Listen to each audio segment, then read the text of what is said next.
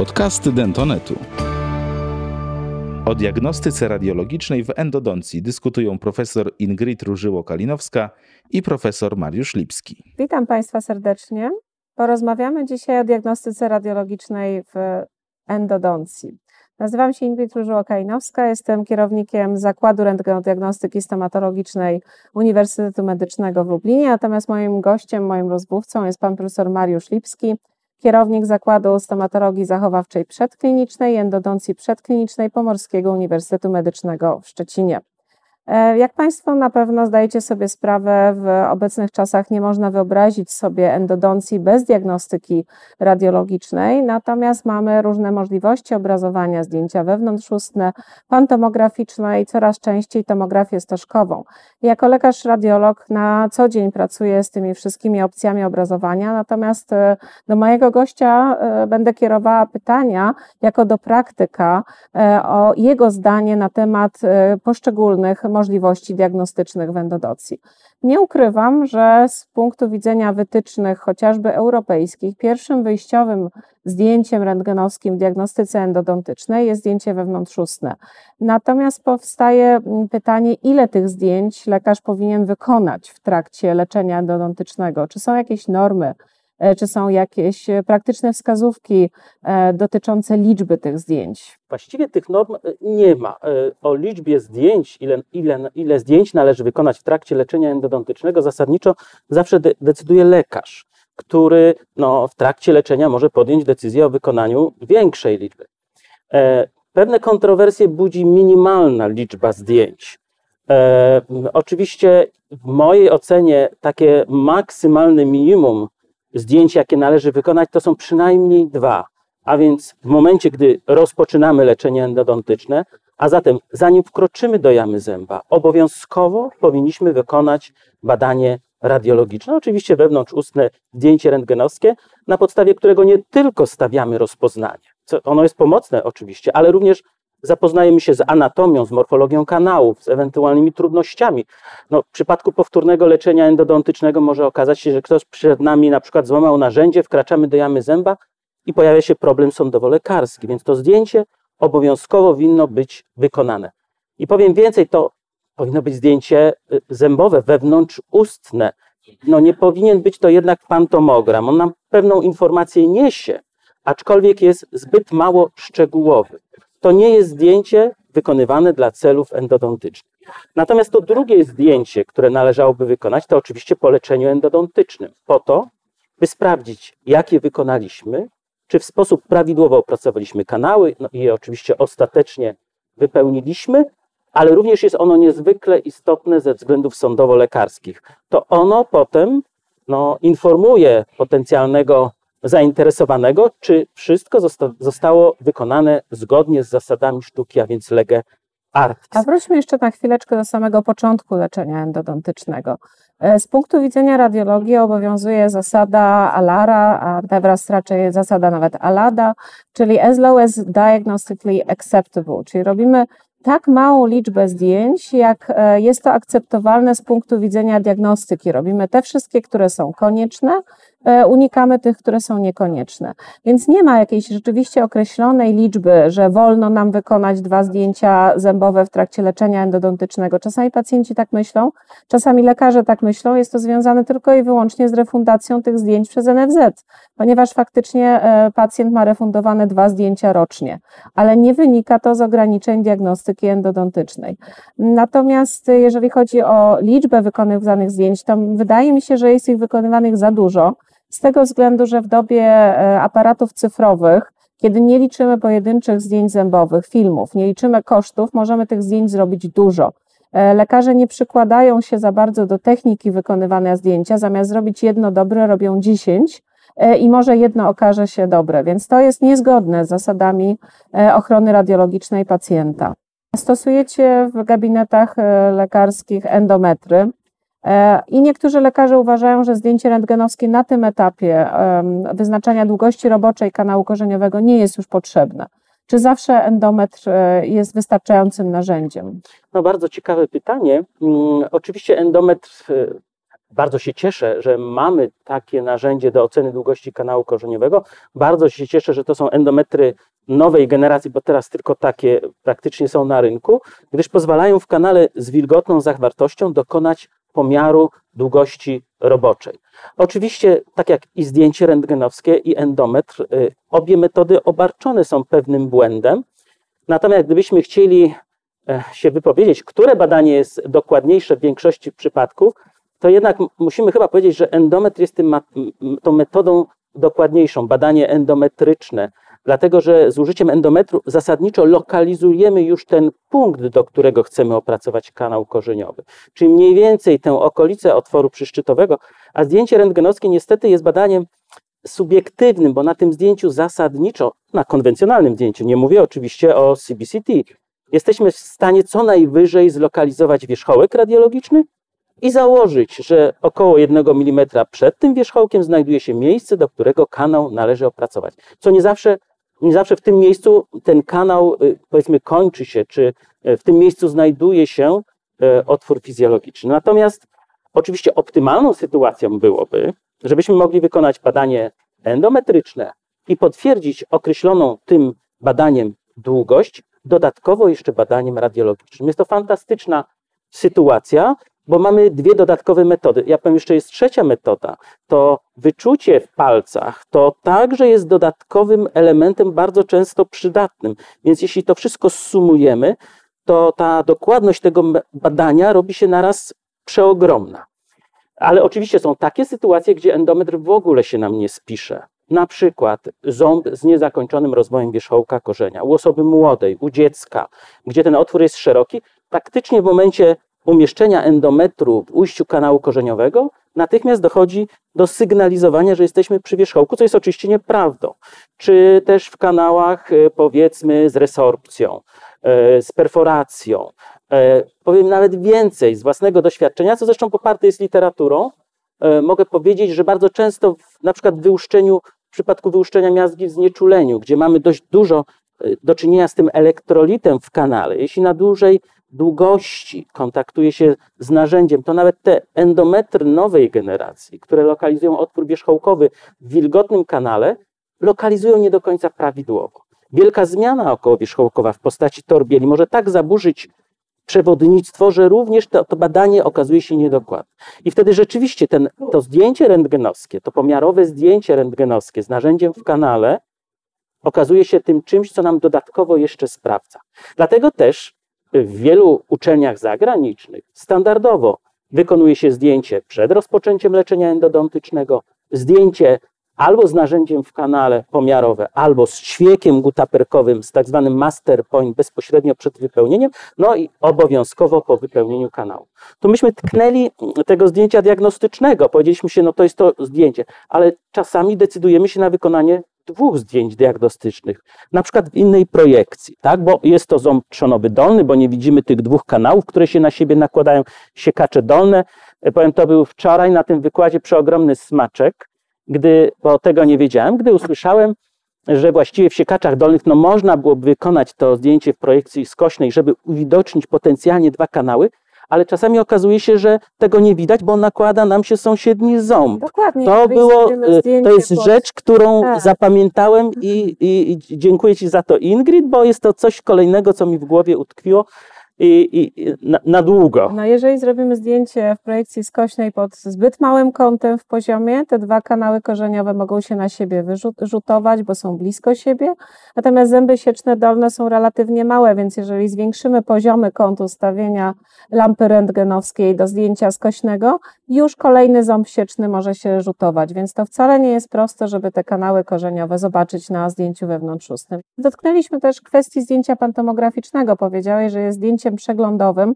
No znowu z punktu widzenia radiologii nie ma czegoś takiego jak badania przeglądowe. Badania screeningowe to jest mammografia na przykład u pacjentek w konkretnym e, wieku, natomiast każde zdjęcie rentgenowskie musi mieć swoje uzasadnienie, zresztą zapisane w dokumentacji.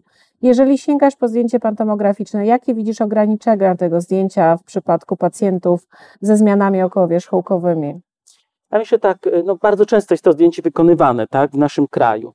Bardzo często wykonywane, no nie wiem, jest na przykład w celu oceny przebiegu brzegu wyrostka, pacjent się zgłasza z takim zdjęciem. Dlaczego go nie wykorzystać? No, y, zresztą każde zdjęcie powinniśmy maksymalnie wykorzystać, y, ile możemy. Y, Wykonujemy ze względów endodontycznych CBCT, obejrzyjmy wszystko, co jest wokół. Wykonujemy pantomogram, bo chcemy zobaczyć przebieg brzegu wyrostka. Obejrzymy wszystko, co tam jest jeszcze dodatkowo, i zatokę, i stawy, i, i tkanki okołowierzchołkowe. Natomiast musimy sobie powiedzieć, czasami to zdjęcie może okazać się pomocne. Może na przykład pomóc nam rozpoznać dużą torbiel okołowierzchołkową, która jest zlokalizowana przy jakimś zębie, albo głęboko penetrujący ubytek. Natomiast musimy sobie powiedzieć, że nie jest to zdjęcie, które wykonywane jest w celu, w celach endodontycznych. Jeżeli decydujemy się na leczenie wybranego zęba, na przykład siekacza centralnego szczęki, mamy go na pantomogramie, widzimy go doskonale, ale, ale musimy wykonać zdjęcie zębowe, ponieważ jest ono zdecydowanie dokładniejsze I właśnie wejdę Ci w słowo, ponieważ wczoraj na wykładzie pokazywałam pantomogram e, wykonany u pacjenta po leczeniu endodontycznym zęba 3.1. Naszą uwagę zwrócił ząb 4.1, który wyglądał na zresorbowany w połowie długości korzenia. Zostało wykonane w tym samym czasie zdjęcie wewnątrzustne. Okazało się, że ząb 4.1 ma korzeń niezresorbowany, widoczny na całej długości, ząb był przechylony, w związku z tym na zdjęciu pantomograficznym e, wierzchołek korzenia, właściwie cała dowierzchołkowa połowa korzenia znalazła się poza obrazowaną warstwą, ząb wyglądał jak zresorbowany, natomiast na zdjęciu wewnątrzustnym okazało się, że kanał korzeniowy 3.1 jest niedopełniony, jest niewielka zmiana okołowierzchołkowa, czego na zdjęciu pantomograficznym nie było widać, w związku z czym być może Amerykanie mają rację, robiąc jednak status zębowy zamiast pantomogramu. Jakie jest Twoje zdanie na ten temat? No, na pewno to wnosi zdecydowanie więcej informacji. I to robią i Amerykanie, i Szwedzi, i, czy też e, powiedzmy rozpoznawanie próchnicy na powierzchniach stycznych. No, pantom, ortopantomogram czy pantomogram no w ogóle w tym celu nie jest przydatny. Oczywiście rozległy ubytek zobaczymy, ale e, no, tych, tych mniejszych, e, demineralizacje, no w ogóle jest to nie do dostrzeżenia. Więc oczywiście taki status jak najbardziej, nawet w Szwecji jest mały, duży, z większą liczbą zdjęć, z mniejszą, jest to doskonałe oczywiście badanie, tylko no, zdaję sobie sprawę, no nie jest popularne u nas w kraju. No nie jest No, popularny, ponieważ wykonanie jednego pantomogramu trwa krótko. Tak. Po- Są uwidocznione wszystkie zęby, a status zębowy to przypomnijmy, to jest kilkanaście zdjęć zębowych, co trwa. Trwa. Y, y, Trudniej jest też obejrzeć te kilkanaście zdjęć, które Cześć. zazwyczaj otrzymujemy na CD, bo pacjent nagrano mu te zdjęcia. Każde zdjęcie trzeba otworzyć, przeanalizować, wiedzieć, które jest które. Także to wcale nie jest takim e, szybkim badaniem, ale zdecydowanie jest badaniem dokładniejszym i pozwala nam później wszystko monitorować. Na przykład postęp choroby próchnicowej. Tak? W wielu przypadkach niepotrzebnie no, opracowujemy ubytek. E, Zresztą mieliśmy też fantastyczny wykład pani profesor Agnieszki Mielczarek, naszej koleżanki, e, która doskonale przedstawiła obecny pogląd na chorobę próchnicową. No i takie zdjęcia w tych krajach wysoko rozwiniętych, gdzie to PUW jest niskie, gdzie ta higiena jest fantastyczna, jeśli mamy początkowe stadia próchnicy, doskonałą higienę, właściwie mo- monitorując to co jakiś czas, jesteśmy w stanie przez lata nie tknąć tego zęba. Jakie są e, aktualne zalecenia odnośnie wykonywania kontrolnych zdjęć rentgenowskich u pacjentów po zakończeniu leczenia endodontycznego i jak to się ma w stosunku do współpracy naszych pacjentów, a mianowicie pojawiania się na wizytach kontrolnych z No punktu niestety- widzenia praktyka? Tak, no, nie, no niestety jest to problem. E, To oczywiście widać przy kontroli tych e, wyników leczenia, naszych wyników leczenia u naszych pacjentów. Szczególnie jest to zauważa, zauważalne przez nas osoby pracujące na uczelni, kiedy mamy jakiś projekt i chcemy skontrolować w celach badawczych. Oczywiście to równocześnie to jest wykonywane ze względów, e, ze wskazań zdrowotnych, tak? bo taką kontrolę trzeba. Jaki jest problem, żeby tego pacjenta ściągnąć Hmm. i w cudzysłowie oczywiście przymusić do wykonania zdjęcia rentgenowskiego w celu oceny, czy postępuje gojenie się zmian, czy może już się zmiany, zmiany uległy wygojeniu. Zasadniczo e, każde leczenie endodontyczne powinno być monitorowane, a zatem po pewnym okresie powinno zostać wykonane zdjęcie rentgenowskie. E, Przy na przykład rozległych zmianach doskonale jest wykonać zdjęcie po pół roku, a następnie po roku i o odstępach rocznych, tak, żeby sprawdzić, czy rzeczywiście te zmiany się wygoiły, a jeśli się wygoiły, czy nie doszło do nawrotu, dlatego że bardzo często mimo wygojenia się zmian, po pewnym czasie, wskutek utraty szczelności, no, czy szczelności koronowej, czy szczelności wypełnienia w kanale, dochodzi do reinfekcji. Także ta kontrola powinna być wykonywana. Są oczywiście określone procedury, e, na przykład po replantacji zęba czy po rewitalizacji, gdzie towarzystwo wręcz zaleca i podaje dokładne terminy 3-6 miesięcy, rok, a potem w odstępach rocznych, a potem na przykład co dwa lata. Więc no, tu powinniśmy tych przestrzegać zasad, chociaż ja się nie boję, że tutaj zawiodą lekarze, dlatego że najczęściej, e, no niestety, zawodzą Pacjenci. pacjenci. Chociaż musimy sobie powiedzieć, w przypadku replantacji zębów i monitorowania powstawania resorpcji, wkroczenia do jamy zęba, no tu, e, tu lekarze powinni doskonale się z tym zapoznać, ponieważ tu bardzo łatwo jest przeoczyć ten moment, kiedy na przykład wydaje nam się ciągle, że ta miazga na przykład po urazie jest żywa, ona obumiera i rozpoczyna się proces resorpcji zewnętrznej. I tutaj rzeczywiście ta kontrola spoczywa na lekarzu. Wręcz powinien zobligować pacjenta do zgłoszenia się, bo, bo na te wizyty kontrolne, no bo to zawsze no, no ci rodzice, dzieci, to jest y, y, sytuacja, kiedy można zaniedbać. Tu powinna być ewidentna rola lekarza dentysty, żeby tej sprawy dopilnował. On oczywiście nie odpowiada za to, że pacjent się nie zgłosi, ale powinien dołożyć wszelkich starań, żeby tego dopilnować. Coraz częściej w gabinetach stomatologicznych stosowane są badania tomografii stożkowej. W lipcu bieżącego roku ukazały się najnowsze zalecenia Europejskiego Towarzystwa Endodontycznego odnośnie tomografii stożkowej E, i według tych zaleceń nie jest to metoda z wyboru do diagnostyki zmian okołowierzchołkowych, nie jest to metoda z wyboru e, w diagnostyce przed leczeniem endodontycznym, jest to metoda zarezerwowana dla zębów o skomplikowanym układzie kanałów korzeniowych, o spodziewanej skomplikowanej budowie anatomicznej dla przypadków, gdzie objawy kliniczne są sprzeczne lub je- niejednoznaczne, a obraz radiologiczny na zdjęciach dwuwymiarowych prawidłowy. Znowu odnoszę się do Twojego ogromnego doświadczenia w praktyce klinicznej. Jak często e, tomografia stożkowa jest w tej chwili stosowana w endodoncji? Jakie widzisz e, z Twojego punktu widzenia zalety, wady i przyszłość? Czy będzie to badanie, które docelowo zastąpi e, zdjęcia pantomograficzne, skoro są niedoskonałe? Ja myślę, że jest to doskonała metoda, fantastyczna. Jak często wykonuje? Ja myślę, że to wszystko zależy od tego, e, z jakimi przypadkami mamy do czynienia. E, Naturalnie najlepiej byłoby każdemu pacjentowi zrobić, bo informacji mamy zdecydowanie więcej niż na podstawie zębowego, zwykłego wewnątrznego zdjęcia, no ale jednak na ten moment wiąże się to jeszcze jednak z narażeniem pacjenta na pewne napromieniowanie. Nie może być to metoda standardowa. Ja znam lekarzy, którzy no na e, dzień dobry u pacjenta wykonują e, tomografię, mając pełne łuki i w ogóle znaczną część e, e, twarzoczaszki, czy części twarzowej czaszki w tym badaniu do obejrzenia. Oczywiście jest to fajna informacja, ale w wielu wypadkach jest to po prostu niepotrzebne. No, niepotrzebnie narażamy pacjenta. Tutaj po- przypomnę, że te wytyczne, które ukazały się w lipcu bieżącego roku, wszędzie podkreślają, że w endodoncji ma być stosowana tomografia o małym polu obrazowania i o wysokiej rozdzielczości. Wysoka rozdzielczość ze względu na konieczność e, uwidocznienia kanałów korzeniowych, natomiast małe pole powiedziałabym, że ze względu na bezpieczeństwo lekarza, dentysty, e, gdyż te właśnie zalecenia mówią, iż badania tomografii stożkowej powinny być opisane przez lekarza endodontę, który zlecił to badanie.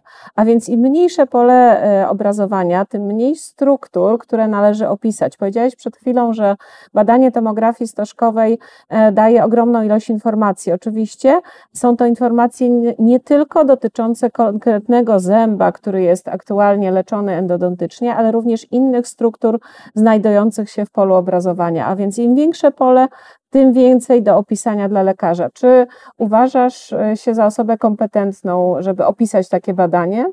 Ja myślę, no to jest trudne pytanie. Znaczy, no, to nie jest trudne pytanie. Ja znam pytanie, odpowiedź na to pytanie oczywiście. Myślę, że w pewnym zakresie czuję się kompetentny, ale że tak powiem, w pewnym zakresie. Natomiast są e, e, regiony, które są widoczne na tym zdjęciu. Myślę, że tutaj mógłbym być, mógłbym mieć oczywiście problem z opisaniem.